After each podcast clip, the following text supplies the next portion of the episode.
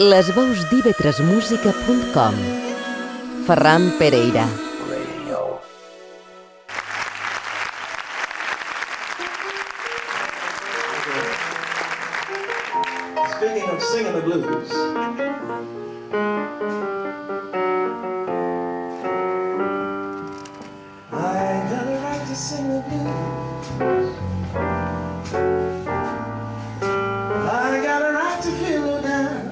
down. Carrie Smith, Harris Witz Edison i Oliver Jackson.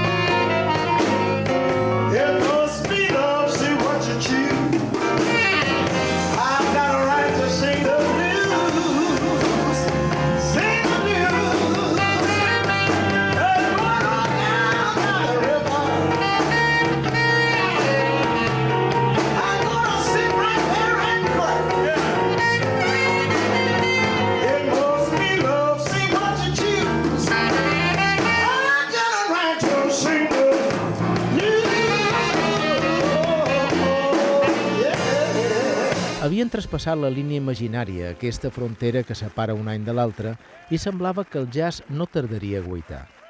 El 1982 havia estat un bon any, però la urgència amb la qual apareixien les bones noves ens auguraven un nou any de ritme trepidant. Només encetar el 1983 i amb motiu de la festivitat de Sant Sebastià, patró de Palma, s'anunciava la primera cita amb el jazz. No vull dir que no es pogués anunciar d'aquesta manera, com un concert de jazz. Ara bé, per ser més exactes i ja aleshores definir a Carrie Smith com una bona veu al servei essencialment del gospel, del blues i també del jazz, per suposat, però d'una forma molt especial. La cantant de Georgia, que havia assolit certa popularitat als Estats Units d'Amèrica a meitat de la dècada dels 70 del segle passat, amb el sextet del trombonista Tilly Glynn, i per la seva participació al 1974 a l'homenatge que se li va retre al Carnegie Hall de Nova York a Louis Armstrong i en qui cantà Stanley Blues, peça que el trompetista i cantant havia enregistrat amb Bessie Smith, ja havia visitat el nostre país en diverses ocasions, actuant al Festival de Jazz de Vitoria, el de Sant Sebastià, a Sitges i també durant una curta temporada a la Cova del Drac. Carrie Smith aterrava a l'aeroport de Palma pocs mesos després de la publicació del seu quart àlbum, Gospel Time, i en plena gira europea que havia començat per terres franceses a les que hi tornaria després de la visita a la nostra illa, així com també passaria per Suïssa i Bèlgica. De vuit concerts i un d'ells a la sala magna de l'Auditorium el 15 de gener. Una nit tranquil·la, apaivaga, dominada per cinc subtils veus expressant un bonic cant a l'amor, a la vida i a l'esperança – així començava la meva crítica d'aquell concert, i és que no era altra la sensació regnant. Un vespre en el que la veu assoliria el protagonisme i no només en la persona de Carrie Smith, sinó també en les altres tres cantants que l'acompanyaven i de forma molt especial Constant Pitts Speed, fent costat al pianista Andre Franklin.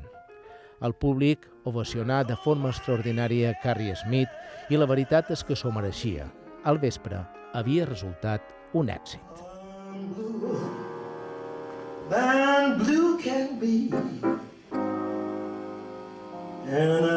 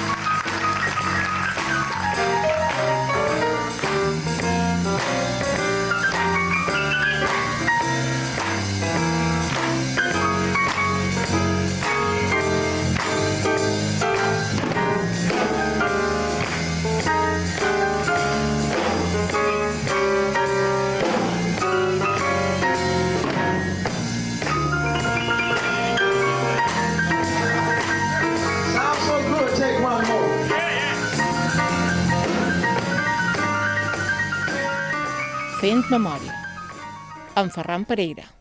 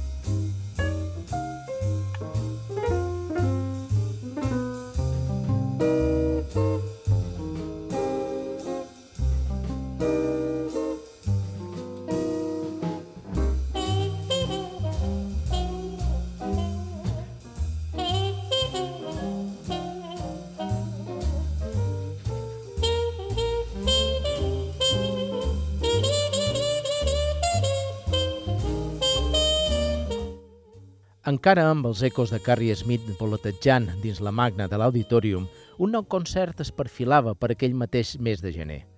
Un músic que, sense estridències ni grans protagonismes, sinó tot el contrari, havia afiançat el seu nom en certa autoritat en el món del jazz amb un fraseig que, més enllà de la individualitat, era concebible com una part del tot. Amb una sonoritat dolça que li havia valgut el seu renom, era partidari de les notes justes. Aquestes eren les seves credencials i amb elles Harry Sweets Edison tot just acabant d'enregistrar dos discs, un amb Frank Sinatra i l'altre amb el saxofonista Sud Sims, recalaria a Palma en una mini gira catalana que també passaria per Girona, Barcelona, Terrassa i Reus. A l'arribada, front als periodistes, reconeixia Louis Armstrong com el seu gran ídol. A més, ens explicava que no creia que existís cap trompetista posterior que no reconegués la seva influència. Digué que respectava totes les corrents del jazz, però que no li agradava ni compartia el free jazz perquè no l'entenia. S'estimava més el jazz clàssic, que era la forma més autèntica i americana del jazz. Als 67 anys afirmava que havia fet música tota la seva vida des de que per dos dòlars havia comprat la primera trompeta. Harry Switz Edison girava pràcticament sol, escollint puntualment els músics que l'acompanyaven en els concerts. Així, el 26 de gener, es presentà sobre l'escenari de l'auditorium amb el pianista Lucky Guri, el Carlos González, el contrabaixista Horacio Fumero i el bateria Pete Wiweris. La senzillesa, que no la simplicitat, marcà la pauta de la vetllada, un jazz que sonava franc i sincer, amb un lirisme molt particular. El concert va ser més bé curt, però amb les coses molt ben fetes, i això que començà amb una certa fredor. Edison, sense desenvolupar massa el seu paper de líder, dirigí pràcticament el quintet. Lucky Guri demostrà la seva gran versatilitat. González, que en els darrers temps havia donat molt i bo de parlar, complí perfectament les expectatives i que dir de Fumero i Wiboris, dos veterans que coneixien bé del trio de Tete Montoliu, ocupant perfectament el seu paper de secció rítmica i disposant les grans qualitats de mestres als serveis del trompetista. Una ballada, com he dit, dominada per desenvolupaments senzills amb esquemes sense gaire complicació, molt adient per a tot tipus de públic. La versió d'aquell George on My Mind de Holy Carmichael, per cert, una de les peces més aplaudides de tot el vespre per al públic, bé podia sintetitzar tot el concert.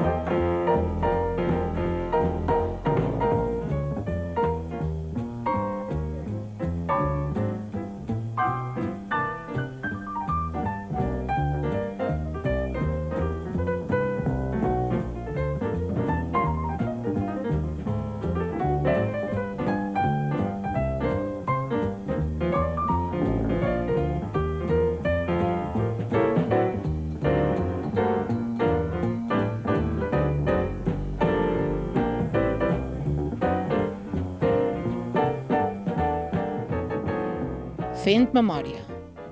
En Ferran Pereira.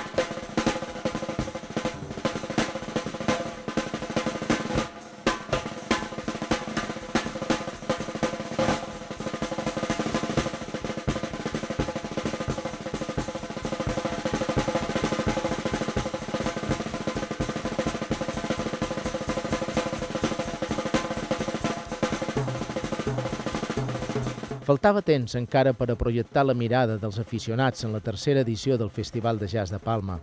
Sabien que seria per l'estiu, però encara no hi havia dates definitives. Ara bé, la veritat és que amb el panorama que estàvem vivint teníem un hivern prou entretingut, perquè es presentava una nova cita per a tots els aficionats. Aquesta vegada no seria l'Auditorium de Palma, escenari habitual per a aquests encontres, sinó que es recuperaria el teatre principal, allà on, si us recordeu, havia començat tot amb el concert de Sonny Stitt. El vespre anterior havia actuat el Jazz Cava de Terrassa i el 14 de febrer el bateria Oliver Jackson mantenia viva la flama del jazz en directe a Palma. El músic de Detroit tenia una gran reputació com a sideman i també per haver acompanyat amb un estil que conjugava la flexibilitat, la pagada i el swing amb músics com Earl Hines, Bud Johnson o Charlie Shavers. Bebop en reminiscències del swing i colca ragtime, que dedicaria a recordar a un dels grans representants de la primigènia del jazz com era el pianista de Baltimore, Ubi Blake, que havia mort el dissabte abans, cinc dies després de complir 100 anys, i que coneixíem per èxits com I'm Just Will About Harry o Charleston Rack, registres que Jackson abraçaria aquell vespre. Oliver Jackson mostrà la seva tranquil·litat amb un to que barrejava la suavitat, accentuat en les balades i les graneretes, i el cop més enèrgic a les peces més rítmiques. Sobre l'escenari, al seu costat, el saxofonista tenor Percy Franz, de so profund i molt expressiu, el pianista Cliff Smalls, que es mostrà com un gran improvisador i segador de Scott Joplin, i el contrabaixista Leonard Gaskin, discret amb els solos però d'una solidesa milimètrica amb el seu paper rítmic. Una bona ballada, sense excentricitats ni floritures, però amb molt de contingut que agradà a un públic petit en nombre, però gran amb emotivitat i comunicació.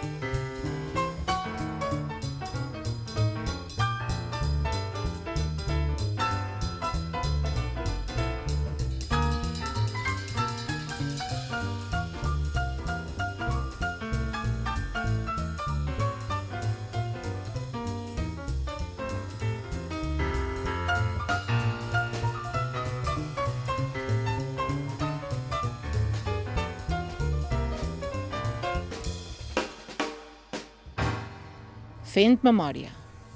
En Ferran Pereira.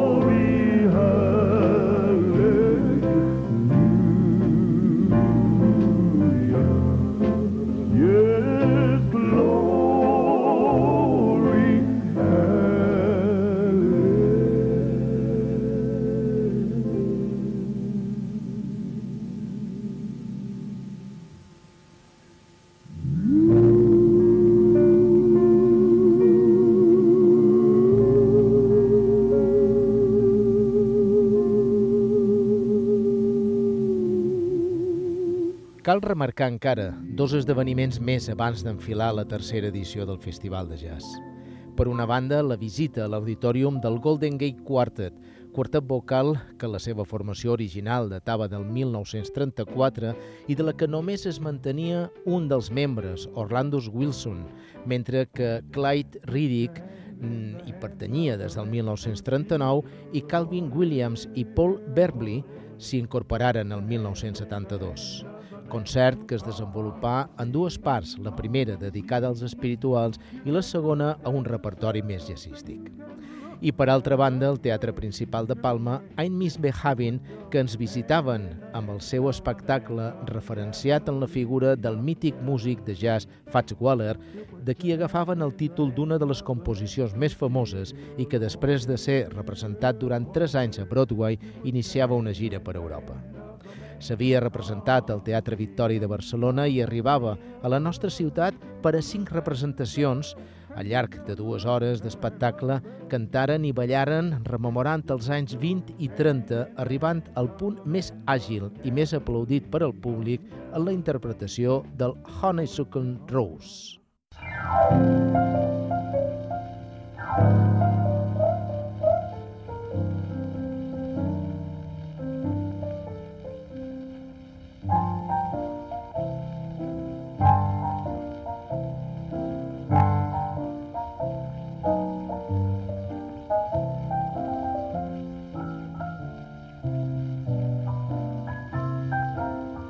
Fem memòria, un gescòlic. còlic.